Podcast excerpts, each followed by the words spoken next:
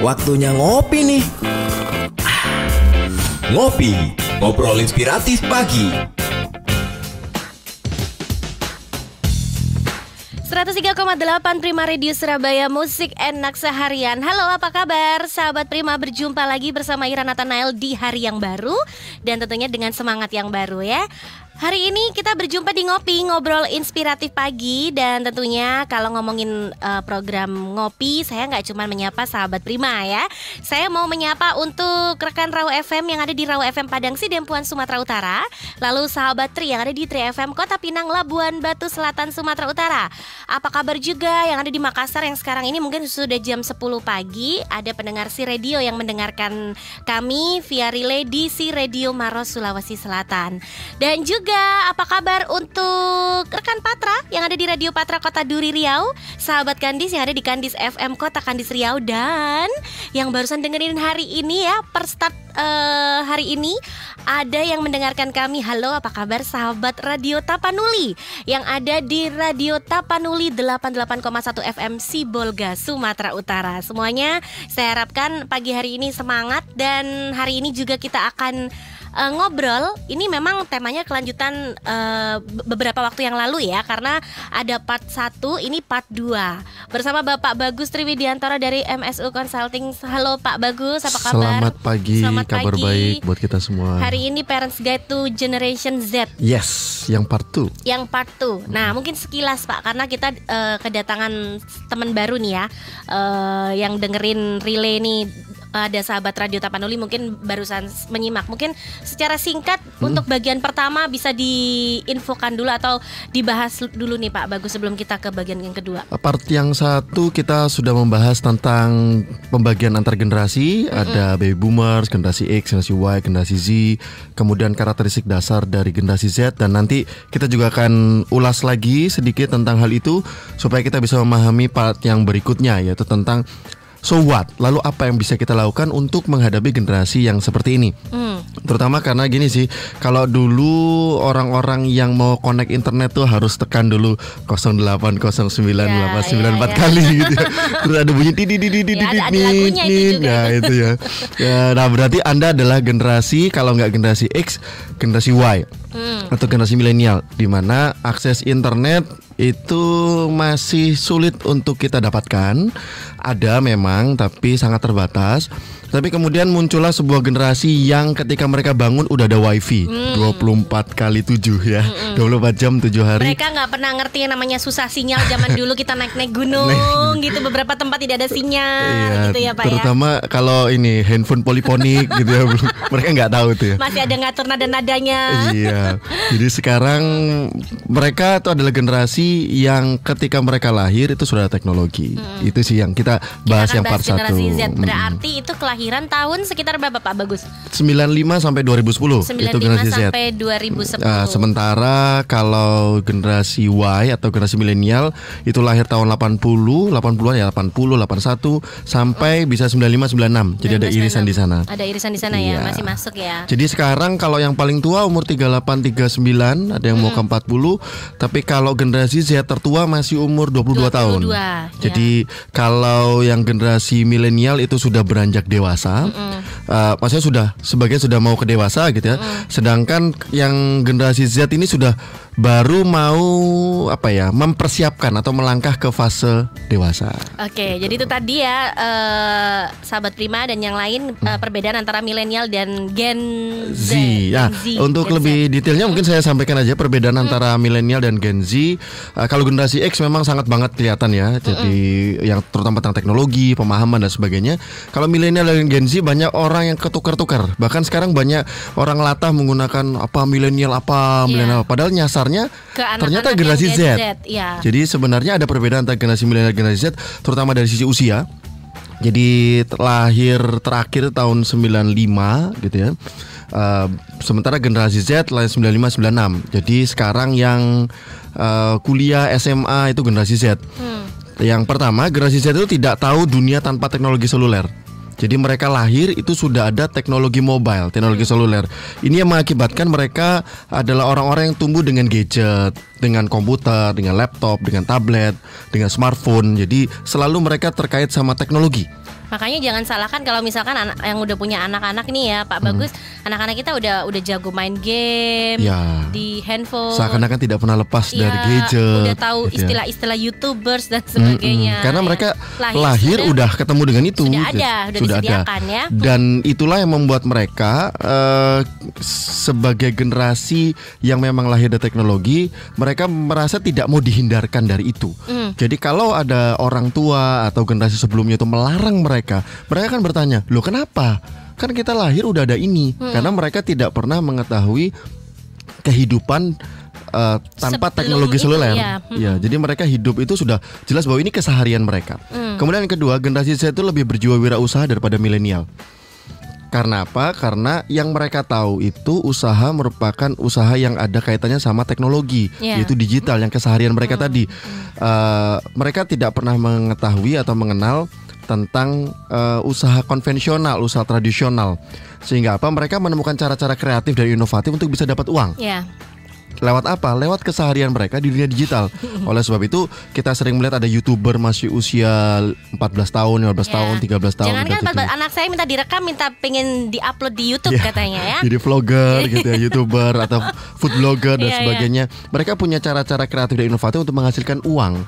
Dan itu sudah muncul sejak dini, sejak mereka sudah kenal teknologi, mereka me- mendapati bahwa wah dengan teknologi ini saya bisa mendapatkan uang. Iya. Gitu. Jadi mereka jiwa usaha mereka tuh lebih tinggi dibandingkan dengan milenial. Tapi pemikirannya tentang bisnis yang berhubungan sama teknologi ya. Di luar Ya. itu mereka belum bisa ya, Pak ya. karena mereka eh, belum mengenal tentang hal yang di luar Di luar teknologi. teknologi. Karena mereka lahir udah ada teknologi Oke, gitu. ya. oke. Generasi Z itu lebih banyak juga tahu tentang pengelolaan uang, di mana mereka ketika mau beli sesuatu, mereka comparing. Hmm. Mereka mencari mana yang paling Menguntungkan. buat Ya. mereka.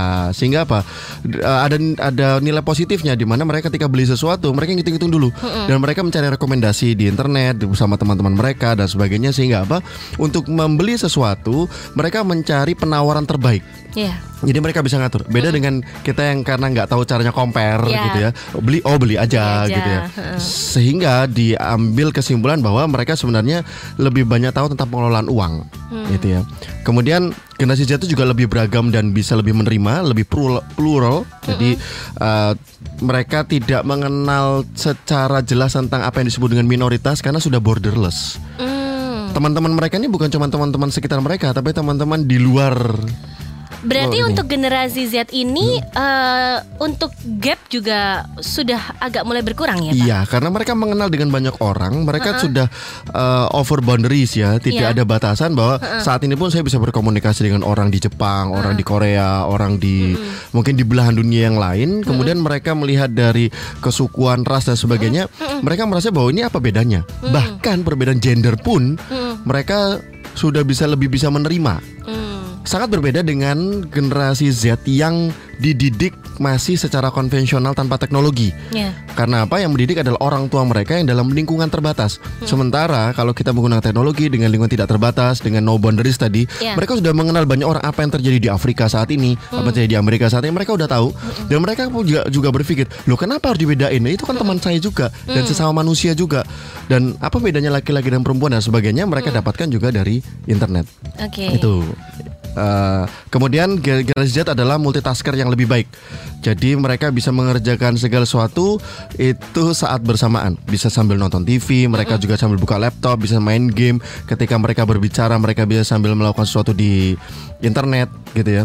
Jadi kemampuan multitasker mereka adalah uh, lebih tinggi dibandingkan dengan generasi yang lain. Oke. Iya, itu. Baik, nanti kita akan balik lagi Pak Bagus ya di segmen, Segmen kedua. Sahabat Prima, rekan Raw FM, kemudian sahabat Tri pendengar si radio, kemudian rekan Patra, sahabat Kandis dan juga sahabat Radio Tapanuli. Buat Anda yang mau bertanya tentang topik kita hari ini silahkan bisa bergabung via WhatsApp di 0811 30 10 38 atau line telepon di 7388500. Tetap di ngopi ngobrol inspiratif pagi. Waktunya ngopi nih.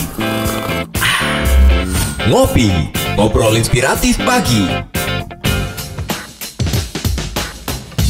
Masih di ngopi ngobrol inspiratif pagi Sahabat Prima, rekan Rau FM Sahabat Tri, pendengar si Radio Maros Rekan Patra, sahabat Kandis dan sahabat Radio Tapanuli Kita masih bersama Bapak Bagus Triwidiantoro Selaku founder dari MSU Consulting Kita membahas tentang Parents Guide to gener Generasi Z Yes. Saya ini kok judulnya bahasa Inggris campur bahasa Indonesia jadinya ya Gen Z, Generation Z. Oke, nah apalagi nih Pak yang perlu diperhatikan dari generasi Z ini? Ya, kalau tadi kita berbicara bahwa mereka adalah generasi yang tidak tahu eh, dunia tanpa teknologi seluler, kemudian yang kedua mereka lebih berbija- berjiwa wirausaha daripada milenial, kemudian yang ketiga ya. mereka juga tahu lebih banyak tentang pengelolaan uang, kemudian mereka juga lebih beragam dan menerima keberbedaan karena tadi no boundaries tadi Oh, iya. mengakibatkan mereka menyadari bahwa hidup ini bukan cuma saya dan golongan saya saja, tapi mengenal dengan banyak golongan dan lebih bisa menerima mereka. Kemudian multitasker yang lebih baik, di mana uh,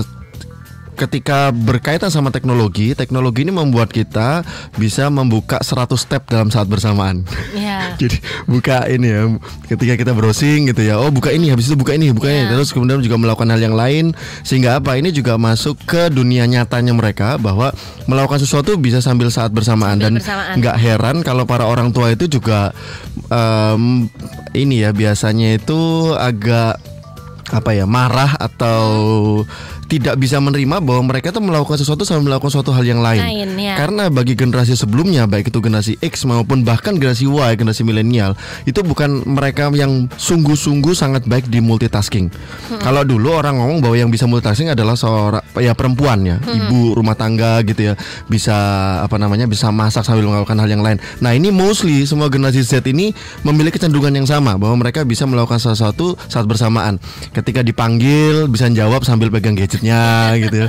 Terus ketika bikin apa masih aja pegang gadget sambil ngelihat Betul, YouTube gitu ya. betul. Dan kita seakan-akan merasa bahwa kamu kok nggak perhatikan sih apa yang sedang saya sampaikan? Ya gimana emang mereka lahir emang udah begitu? Anak saya eh, ngerakit robotnya sambil lihat YouTube, sambil nonton TV, semuanya. Iya. Memang begitu ya, sambil ya? dengar radio loh. Tapi mereka sudah Oh, jarang dengar ya? dengar radio sih. Mereka dengarnya Spotify Iya. ya. Mirip-mirip ada apa namanya eh, podcast dan sebagainya gitu ya. Dan ini yang perlu kita sikapi dengan baik bahwa kalau mereka melakukan hal itu kita jangan terkejut. Hmm. Sebagai se- parent atau guru atau pendidik kita jangan Karena dengan hal itu. untuk eh, para orang tua generasi kita pasti berpikir loh ini kok nggak fokus ya Ya. ini, gitu kan? Nah, eh, jadi gini, banyak yang bilang bahwa mereka adalah orang yang tidak fokus. Padahal sebenarnya bagi mereka itu fokus. Itu fokus. Jadi tergantung dari sudut pandang mana ya. Jadi Iya. ketika mereka ditanyain apa yang sedang mereka tonton dan apa yang sedang mereka simak, mereka menyimak. Mereka tahu ya. Tapi mereka juga sambil dengerin yang lain. Hmm. Nah ini hebatnya kemampuan otak yang bisa sejak kecil secara multitasking ya. Hmm. Tapi mereka adalah golongan penyendiri, dianggap sebagai golongan penyendiri, Iya. di mana mereka eh, lebih eh, apa namanya lebih bisa melakukan segala sesuatu tuh saat bersama tuh sendirian. Betul. Beda banget dengan milenial yang kata kata Pengennya kunci sama-sama. ya kata kunci di milenial adalah kolaborasi, Hmm. kolaboratif. Kalau generasi Z lebih sendiri. Jadi kalau generasi milenial masih ada di tempat eh, tongkrongan, kafe-kafe kerjaan bareng. Tapi kalau generasi Z lebih mereka di kamar mereka, Ah, di ruang tetap sama-sama dengan teman-temannya, tapi main game bareng online.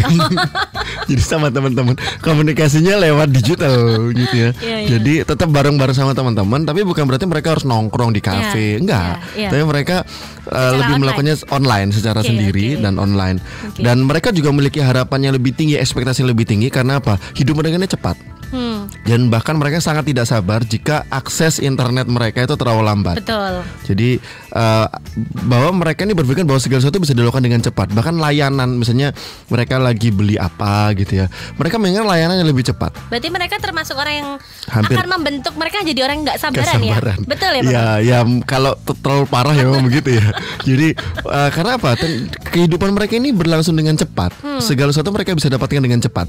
Jadi kalau ada layanan yang lambat, mereka merasa tidak nyaman. Bukan berarti mereka tidak bisa nerima Iya, ya. iya. Tapi mereka merasa tidak nyaman bahwa selama ini harapan mereka adalah segala sesuatu di mereka dapatkan dengan cepat. Jadi mereka sangat menghargai waktu. Mm. Bahkan hal terkecil, hal sederhana mereka ingin didapatkan dengan cepat. Dan Selain itu ciri-ciri yang lainnya adalah konsumsi media mereka adalah yang tertinggi. Jadi mereka kalau beli sesuatu banyak yang terkaitnya itu dengan media atau akses internet atau apa pun atau teknologi. Kemudian lebih suka produk keren dibandingkan pengalaman keren. Ini nih uniknya nih. Kalau generasi milenial itu mengandalkan experience, Experience, pengalaman. Jadi eh, kayak gini ya datang ke suatu tempat yang penting tempatnya bagus bisa foto-foto udah Betul, seneng. Betul, Instagramable Nah itu nih. milenial banget milenial tuh. ya.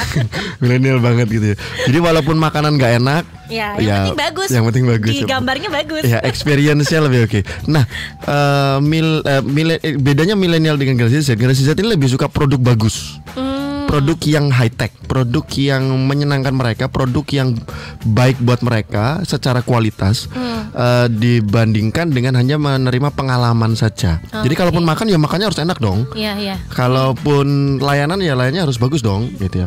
Nah, kenapa hal demikian bisa terjadi? Karena gini sih, ada satu keunikan di mana para generasi Z ini biasanya didik oleh kakek dan nenek mereka. Hmm, Ini keunikan. Karena apa? Orang tuanya orang tua mereka sibuk bekerja. anak saya banget itu. Jadi yang didik mereka Ya. itu adalah bukan orang tua kandung mereka, Tapi opa-oma mereka. opa-opa mereka atau orang lain, Lalu menjadikan mereka seperti gadget mereka. Oh, seperti lingkungan yang mereka lihat di digital mereka itu satu. Yang kedua seperti opa mereka. Opa-opa mereka itu adalah generasi baby boomers dan generasi X. Oke. Jadi ada kemiripan sedikit di mana mereka adalah orang-orang yang tough, orang-orang yang independen. Apalagi baby boomers dan generasi X itu adalah orang-orang yang gini, dulu pekerjaan tuh susah, jadi mereka harus bekerja keras. Hmm. Jadi generasi Z ini juga menghadapi hal yang sama di mana nanti Zaman ke depan iya. dan ke depan cari kerja itu lebih, Lebih susah. sulit karena apa? Sudah banyak yang menguasai lapangan pekerjaan tersebut. Jadi Iya. mereka harus mencari sendiri secara independen, harus survive. ya Dan eh, apa namanya? nilai-nilai ini mereka dapatkan dari mana? Dari kakek, nenek, mereka. Oke. Ini ada pengaruh. Jadi ada pengaruh secara psikologis bahwa yang mendidik ini bukan orang tua mereka. Eh, sebentar Pak Bagus. Kalau kita eh, tarik lagi ke generasi milenial, eh, bukankah generasi milenial juga ada beberapa yang mereka diasuh oleh kakek nenek mereka? Ya ada, tapi sekali lagi pengaruh teknologi eh, tidak terlalu berat, tidak terlalu penetrasinya tidak terlalu kuat buat mereka. Mm. Jadi gini, eh, ini adalah penggabungan antara konvensional dan teknologi, Oke. tapi memang yang konvensional hanya nilai-nilainya saja, tapi Iya. tetap mereka mencari secara teknologi. Mereka Iya. juga belum tentu bisa nyambung sih dengan kakek nenek mereka. Justru mereka yang sering kali mengatur kakek nenek mereka. Karena apa? Kakek nenek mereka nggak tahu apa-apa. Mereka lebih tahu teknologi gitu. ya.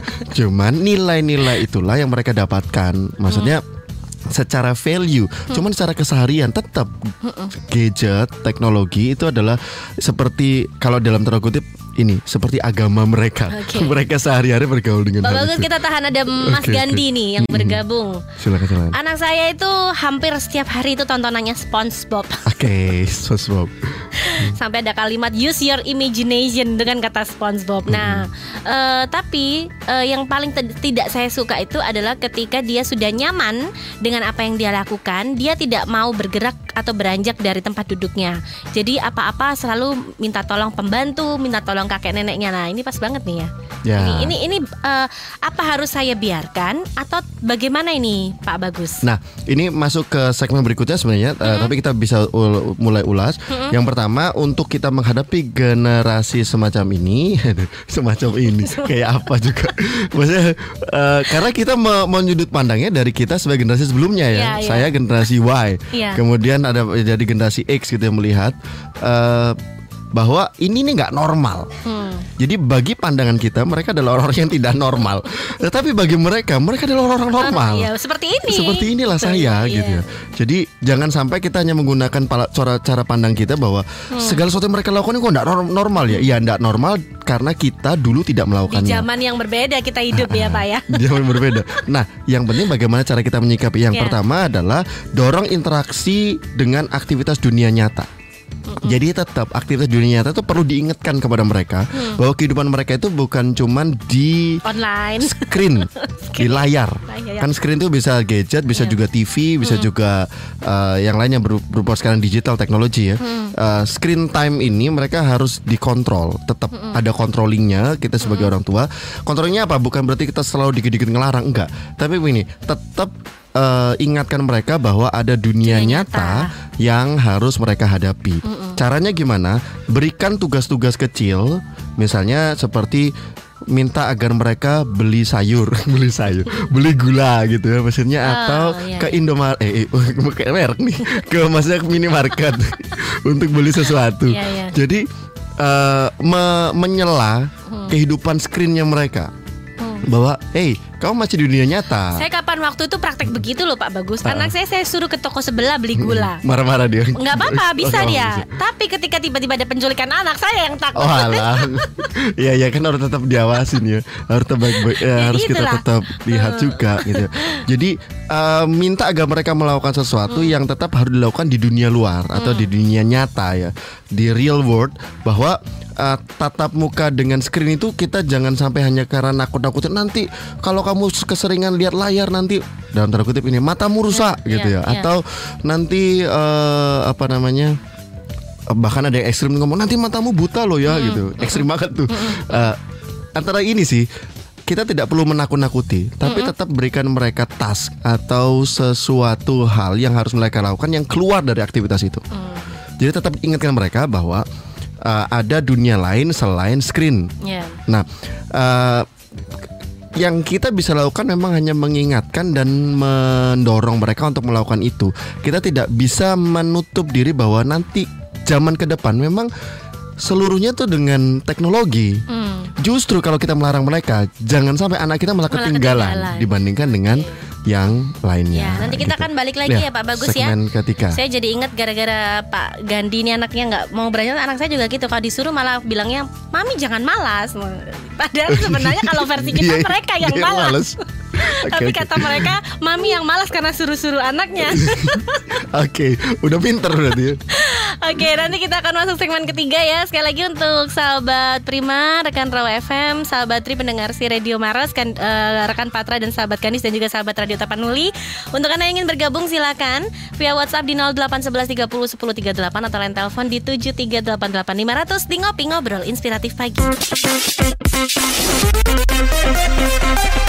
103,8 Prima Radio Surabaya Musik enak seharian Masih di ngopi ngobrol inspiratif pagi. Wah, ini nggak kerasa Pak Bagus ya. Waktu kita cuma tinggal sekitar 10 menitan ini ya. Iya. Cepet Oke. banget waktu berjalan.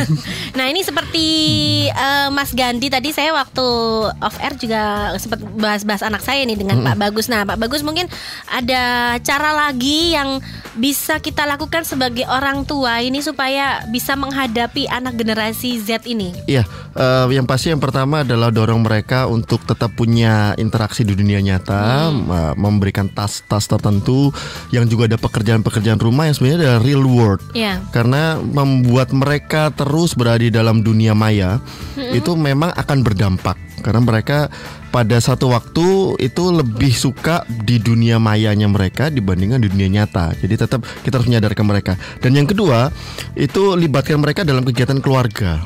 Seperti Eh, seperti misalnya eh, usahakan agar ada makan malam bersama. Kemudian usahakan agar mereka itu berinteraksi dengan kita dalam satu kegiatan, gitu ya, dalam suatu kegiatan keluarga. Atau ya terpaksa kita juga harus mengikuti kegiatan mereka. Misalnya contoh, mereka sekarang lagi suka nonton di Netflix ya. Eh, ya ini satu merek sih. Tapi ya pada intinya dalam nonton online gitu ya, nonton Iya. online. eh, kita juga harus mengerti bagaimana caranya dan nonton bersama dengan mereka. Eh, bukan berarti kita memaksa mereka harus nonton dengan caranya kita. Eh, mungkin kita lebih suka nonton di bioskop gitu ya, nonton ada film apa di bioskop. Oke, kita ajak mereka juga. Tapi ketika mereka juga mau nonton sesuatu di Di- dengan cara mereka, dengan cara mereka kita di online, ya. kita juga harus ngikutin. Ya. Jadi ada kegiatan-kegiatan bersama yang kita juga mengikuti caranya mereka. Hmm. Dan kalau memungkinkan kita juga kenal yang namanya PUBG, Ya, PUBG, terus PUBG, Pub- PUBG, PUBG, PUBG. saya tahu itu juga dari anak saya tuh PUBG. Kalau bisa juga Mobile Legends dan sebagainya, ya jangan sampai kita ikutan kecanduan juga sih maksudnya. Enggak. Maksudnya Bagaimana kita Bagaimana mengetahui? kecanduan Pak Bagus, mamanya main aja nggak bisa. Jadi ada interaksi-interaksi Iya. bersama dengan mereka sehingga apa mereka tahu bahwa ada orang tua di samping mereka. Karena gini, kehidupan kesendirian dalam arti mereka ini juga bisa berinteraksi dalam konteks sendirian itu secara dunia nyata ya. Tapi Ya. mereka ini sebenarnya sedang berinteraksi dengan orang lain di sana. Ya, jangan heran kalau mereka lagi ngobrol-ngobrol Ya, sendiri ya. gitu ya. Dalam kamar ada suara-suara yang lain karena mereka sedang berbicara dengan lawan main mereka di, Di game, online, di game online online, game ya. tadi. Nah, selain kita mengawasinya dengan baik, siapa saja mereka, di komunitas mana saja mereka, ya kita juga bisa berinteraksi bersama dengan mereka sehingga yang sedang ada di sana pun tahu bahwa oh ini anak masih kecil. Ya. Kalau yang generasi yang masih kecil ya, eh, ada orang tuanya yang juga gui- guides mereka gitu ya. Eh, sehingga kita tahu dengan siapa mereka berinteraksi. Ini tantangan terbesar terutama buat generasi Y dan generasi X. Karena apa? Tidak semua generasi X itu suka main game. Iya. Dan juga walaupun Y ini juga ada digitalnya, tapi tidak semua mereka juga mau menghabiskan waktu untuk itu karena mereka sedang usia produktif bekerja. Yang saat ini eh, ada di generasi itu adalah mereka-mereka yang sedang aktif bekerja sehingga pasti kesulitan dengan waktu dan memang perlu disisihkan waktunya. Dan yang ketiga itu memang mengintegrasikan screen time dengan events.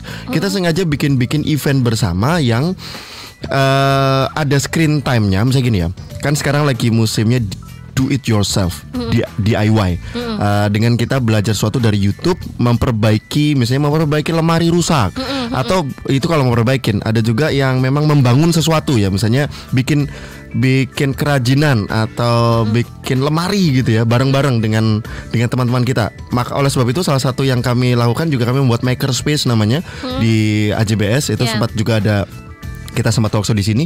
Itu apa? Untuk membuat satu keluarga itu bersama-sama bareng-bareng bikin satu benda Hmm. jadi satu produk gitu ya. Tapi bikinnya bareng-bareng. Ada peran dari anak peran dari orang tua. Kenapa mencoba menyisihkan mereka sedikit dari dunia maya mereka ke dunia nyata tapi kegiatan bersama keluarga. Jadi mereka tetap merasakan ada kehangatan di dalam keluarga karena orang tua mereka ini mengajak mereka untuk berinteraksi di dunia nyata. Itu penting buat kita eh, membuat satu produk misalnya membuat kursi bareng atau buat lemari bareng gitu ya. Jadi integrasikan screen time itu dengan event-event bisa ke lokakarya atau juga mm, atau apa namanya belajar bersama gitu ya. Justru dorong mereka juga misalnya ada k- kerja kelompok dengan teman-temannya. Dorong mereka untuk melakukan itu. Dibandingkan kita kerja kelompok tapi online aja ya gitu. Kerja kelompok tapi online. Ya jadi tidak ada sentuhan fisik. Nah ini terus kita usahakan ada itu. Jadi ada kombinasi antara screen time dengan event. Jadi bukan membatasi screen time mereka dengan memaksa bahwa jangan main ini jangan main itu jangan main ini. Nah bagi mereka lo kenapa? Saya kan hidup di dunia teknologi kenapa harus dilarang? Tetapi kita alihkan ke sebuah kegiatan yang sudah kita setting bahwa mau tidak mau akhirnya mereka melepaskan gadget mereka untuk beraktivitas bersama dengan kita itu Ada batasan nggak sih Pak? Bagus sebenarnya atau eh, yang paling bagus Ideal. atau baik ideal ya? Eh, untuk kita itu tadi melakukan seperti kegiatan-kegiatan di luar atau seperti event yang benar-benar bisa mereka mengerjakan aktivitas yang benar-benar di dunia nyata. Misalkan mungkin seminggu berapa kali. Ada nggak sih eh, idealnya gitu Pak Bagus? saat ini sebenarnya tidak bisa kita me- membatasi kehidupan teknologi Atau mereka harus pegang mereka. handphone eh, cuman Sabtu Minggu aja ini misalkan kayak gitu. Nah, ini adalah sudut pandang generasi sebelumnya Karena melihat masih ada generasi. beberapa orang tua yang seperti itu kan. Ya, kalau bagi saya pribadi itu kita tidak ben- tidak benar-benar akan bisa membatasi mereka dengan teknologi karena itulah hidup mereka, itulah real life mereka. Eh, sehingga yang kita bisa lakukan adalah mengalihkan. Ini kan pendidikan anak begitu. Kita tidak bisa memaksa untuk mereka berhenti, Ya. tapi mengalihkan mereka untuk melakukan some ya something else. Jadi tidak bisa juga misalnya gini kita batasi mereka terus mereka ngapain dong? Contoh misalnya kita nggak boleh mereka pegang gadget. Iya. Terus selama di rumah mereka ngapain? Nggak, Ngaplu. nggak ngapa-ngapain memang anak-anak itu. Iya. Ngaplu kan bingung juga. Jadi Iya. kita harus menyediakan pengg- aktivitas penggantinya. Oke, sudah main bola sana, main bola sama siapa? Sama siapa? Nggak ada teman-teman. Ya kalau memang nggak ada teman-temannya ya orang tuanya dong yang nemenin Iya, main iya. bola kan. Oke, oke. Jadi kita sendiri harus bijak untuk melarang mereka menggantikan mereka dengan aktivitas yang lain. Jadi saya lebih suka dengan replacement. Hmm. Tetap ak- ada aktivitas bersama keluarga. Memang sayangnya tadi saya sudah sampaikan sayangnya tadi adalah orang tua mereka sibuk bekerja. Hmm. Sehingga apa mau tidak mau akhirnya mereka bek- eh, bergaul dengan gadgetnya. Hmm. Karena sudah yang jaga juga kakek neneknya. kayaknya jadi juga bingung juga gitu ya mau diapain nih anak gitu ya Eh, uh, replacement. Oke, ada juga orang tua yang mengisi kegiatan dengan les, dengan aktivitas uh, fisik di luar rumah yang berkaitan sama ekstrakurikuler dan sebagainya. Itu bagus. Itu bagus. Yang penting anaknya suka. Yang penting memang sesuai passion mereka. Jangan lupa juga bahwa tadi saya sudah sampaikan nanti yang akan kita bahas di part ketiga adalah tentang kecenderungan generasi Z itu lebih suka jadi wirausaha, jadi entrepreneur sejak mereka muda bahkan sejak SMP SMA itu sudah menghasilkan uang dibandingkan dengan generasi milenial yang berpikiran lebih baik saya kerja di perusahaan besar, Iya. perusahaan multinasional, perusahaan apa. Jadi impian generasi milenial itu adalah kerja di sebuah bersama-sama berkolaborasi dengan teman-teman mereka di perusahaan besar. Kalau milenial enggak, udah kerja sendiri aja tapi dapat dapat uang lebih independen mereka. Nah, eh, apa yang bisa kita lakukan adalah membawa mereka sesuai passion mereka, sesuai dengan keinginan mereka. Berarti memang nggak menutup kemungkinan mereka SMP pun besok sudah bisa berwirausaha Betul, SMA ya. bahkan sebenarnya ke depan ini ya, ini agak susah saya ngomongnya karena pendidikan tinggi pun sudah tidak ada minatnya. Hmm. Maksudnya mereka sudah tidak terlalu berminat untuk sekolah tinggi-tinggi. Nggak ngejar titel Nggak ngejar titel. Jadi bagi mereka adalah cukup dengan ikut sekarang ada online course ya Iya. di di apa namanya di internet ada banyak yang juga mengeluarkan sertifikat loh. Hmm. Jadi ada sertifikat khusus untuk kompetensi tertentu gitu tapi secara online Hmm. dengan apa? Dengan itu mereka sudah bisa melakukan sesuatu. Hmm. Bahkan uh, saya baru hari uh, dua hari berturut-turut sih hari Sabtu hari Minggu kemarin bertemu dengan orang tua yang sedang tanya gini, "Pak, gimana kalau anak saya ini homeschooling aja?" Hmm. Karena apa? Mereka passionnya itu ternyata tidak sesuai dengan eh, apa kegiatan sekolah. pendidikan mereka di sekolah. Bahkan anak anaknya itu sangat nggak suka dengan sekolah. Mereka suka mengerjakan dengan apa yang sesuai dengan passionnya. Ya secara bijak saya harus juga ngomong bahwa bukan berarti anak zaman sekarang nggak perlu sekolah ya. Hmm. Tapi yang paling penting adalah orang tua harus tahu potensi masing-masing anak, Hmm. mengarahkan mereka sesuai potensinya, eh, mengembangkan mereka sehingga sungguh-sungguh mereka siap nanti menghadapi dunia nyata. Yang paling Oke. penting kan di sana. Jadi online course Ya. atau mungkin kegiatan-kegiatan yang ber- berkaitan sama apa namanya kompetensi mereka yang lebih baik itu sangat dibutuhkan. Hmm. Jadi memang. kalau SMP SMA bisa berwirausaha. Jadi kalau kemarin saya kaget anak saya minta uang buat modal usaha padahal masih TK itu memang Iya. karena arahnya seperti itu ya mereka iya. ya Pak Bagus ya. Jadi mereka berpikir bahwa untuk dapat duit tidak harus sekolah tinggi-tinggi. Jadi itu kalau kaitan sama pekerjaannya. Tapi Iya. berbeda dengan memang panggilannya adalah pengajar misalnya, Eh, yang membutuhkan juga kompetensi tertentu. Atau saya jadi dokter ya, jadi dokter sekolah dong. Iya, Masa iya. jadi dokter nggak sekolah. Nah tergantung dari bakat minat mereka dan kita arahkan ke sana. Sehingga kalaupun mengisi waktu, menggantikan aktivitas gadget tadi dengan sesuatu hal yang lain, tetap orang tua harus tahu potensi mereka ini ke mana. Jadi jangan semua dilesin. Ada les piano, habis Oh, les iya. piano nanti les karate, habis les karate nanti itu les dulu, generasi milenial Terus les kumon, itu, les ya. apa gitu. Bingung anak ini mau ngajar di apa ntar gitu. Belum lagi yang privat ya lesnya ya. Iya, udah biayanya besar karena sering kali ini bukan bukan saya menjudge ya maksudnya gini. Ada orang tua yang memang ya daripada dia nganggur di rumah. Hmm. Ada benernya sih, Iya. tapi tetap walaupun mengisi waktu, Sesuai se- tapi potensi harus dan sesuai potensi passionnya dan passion Iya. mereka. Kasihan mereka juga gitu sih. Ada juga yang ini sekolah full day gitu ya. Tergantung aktivitas sekolah apa. Kalau itu justru membuat mereka ini tidak merasakan masa masa sekolah mereka, masa usia mereka ada yang remaja saat ini ya. Ada juga yang masih apa namanya? masih anak-anak gitu ya. Iya, kasihan juga gitu sih. Iya. Uh, mungkin secara bijak kita harus jadi orang tua yang lebih baik di genera menghadapi generasi Z ya. Ya, harus lebih memahami mereka dan eh, pattern atau pola pengasuhan yang mungkin sudah pernah diajarkan ke kita dulu oleh orang tua belum tentu bisa dipraktekkan ke Betul. anak-anak kita yang generasi Bahkan Z ya. sangat berbeda. Sangat jauh. Sangat jauh berbeda. Kalau dulu mending kamu di rumah aja. Terus dia tanya, "Terus saya di rumah ngapain?" Ngapain ya?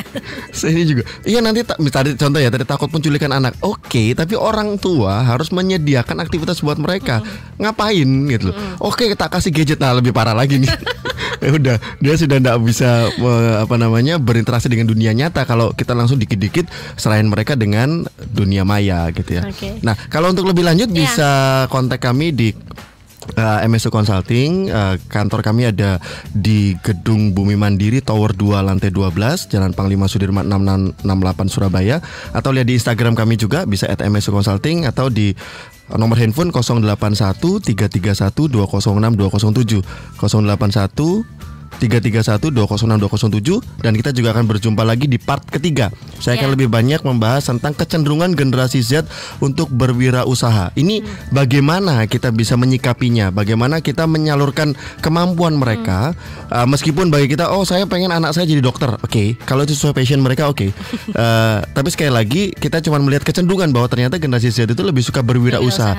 Lalu apa yang bisa kita lakukan untuk juga Memfasilitasi, memfasilitasi sebagai parents sebagai sebagai parents atau sebagai pendidik untuk mensupport mereka. Baik Pak Bagus, terima kasih banyak untuk waktunya hari ini. Kita berjumpa berarti di lain kesempatan ya Pak ya di part, Part ketiga tiga, nanti. ya. Baik, sukses untuk Pak Bagus. Terima kasih. Dan sahabat Prima, rekan Ro FM, sahabat Tri, pendengar si Radio Maras, rekan Patra, sahabat Kandis dan sahabat Radio Tapanuli demikian ngopi ngobrol inspiratif pagi untuk edisi hari ini. Anda bisa simak ngopi setiap hari Senin sampai hari Jumat. Eh, tapi untuk teman-teman yang ada di luar Surabaya merilainya sampai hari Kamis ya. Dari jam 9 pagi sampai jam 10 pagi untuk waktu Indonesia bagian barat. Ira pamit tetap di 103,8 Prima Radio Surabaya, musik enak seharian. 103,8 Prima Radio Musik enak seharian.